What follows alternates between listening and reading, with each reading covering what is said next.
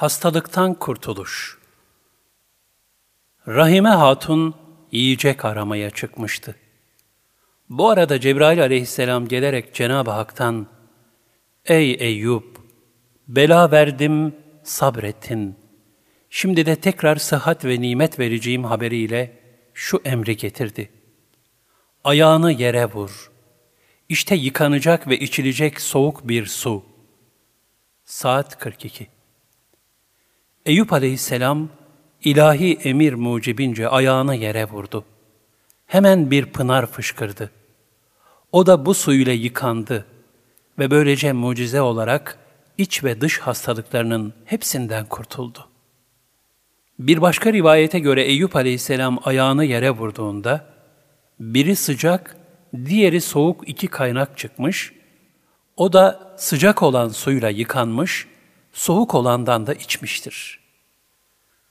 Ayet-i kerimede ayağını yere vur diye emredilerek, mucizede bile kulun gayret, emek ve teşebbüsünün bulunmasının talep edilmesi dikkat çekicidir. Demek ki kulun sebeplere sarılmakta kusur etmemesi, oturup sadece dua ile yetinmemesi gerekir. Ayrıca duanın icap ve şartlarını da yerine getirmek lazımdır. Bu emir, Meryem kıssasındaki hurmanın dalını kendine doğru silkele, Meryem 25 emrine benzer. Ayrıca ona ancak güzel sözler yükselir. Onu da Allah'a salih amel yükseltir. Fatır 10 ifadesini hatırlatır. Nitekim Eyüp Aleyhisselam'ın büyük bir edep ve tazim içinde Cenab-ı Hakk'a yönelişi neticesinde duası kabul olmuş ve kendisine şifa, rahmet ve lütuf kapıları açılmıştı. Ayet-i kerimede buyurulur. Bunun üzerine biz tarafımızdan bir rahmet ve kulluk edenler için bir hatıra olmak üzere onun duasını kabul ettik.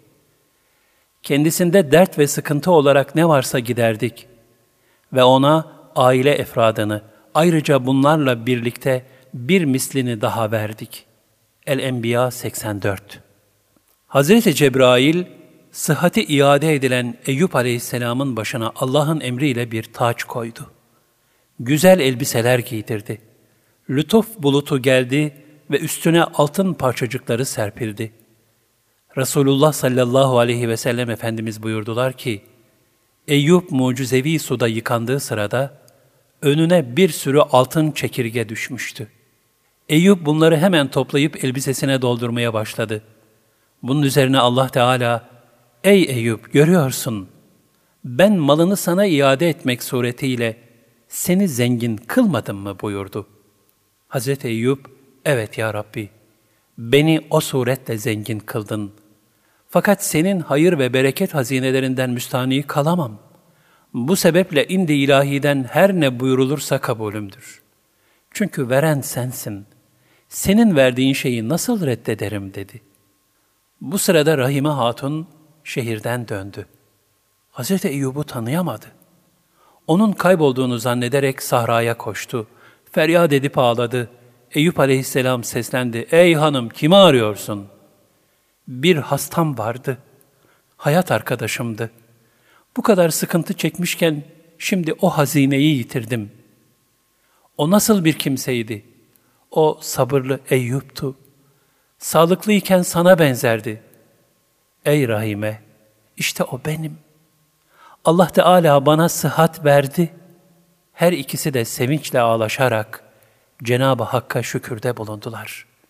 Eyüp Aleyhisselam artık eski gençlik ve dinçliğine kavuşmuştu. Buna ilaveten Allah Teala ona evvelkinden daha fazla mal ve evlat ihsan etti. Bizden bir rahmet ve aklı selim sahipleri için de bir ibret olmak üzere ona hem ailesini hem de onlarla beraber bir mislini bağışladık. Saat 43 Nihayet Eyüp aleyhisselam ve ailesi darmadağın bir haldeyken tekrar bir araya toplandı. Eskisinden daha büyük lütuflara nail kılındı. Hazreti Eyüp aleyhisselam hastalıktan afiyete kavuşmuş olarak geçirdiği ilk gecenin sabahında derinden bir ah çekti. Sebebini sordular. Dedi ki, her gece seher vaktinde, ''Ey bizim hastamız, nasılsın?'' diye bir ses duyardım. Şimdi yine o vakit geldi. Fakat ''Ey bizim sıhhatli kulumuz, nasılsın?'' sesini duymadım. Bunun için ağlıyorum.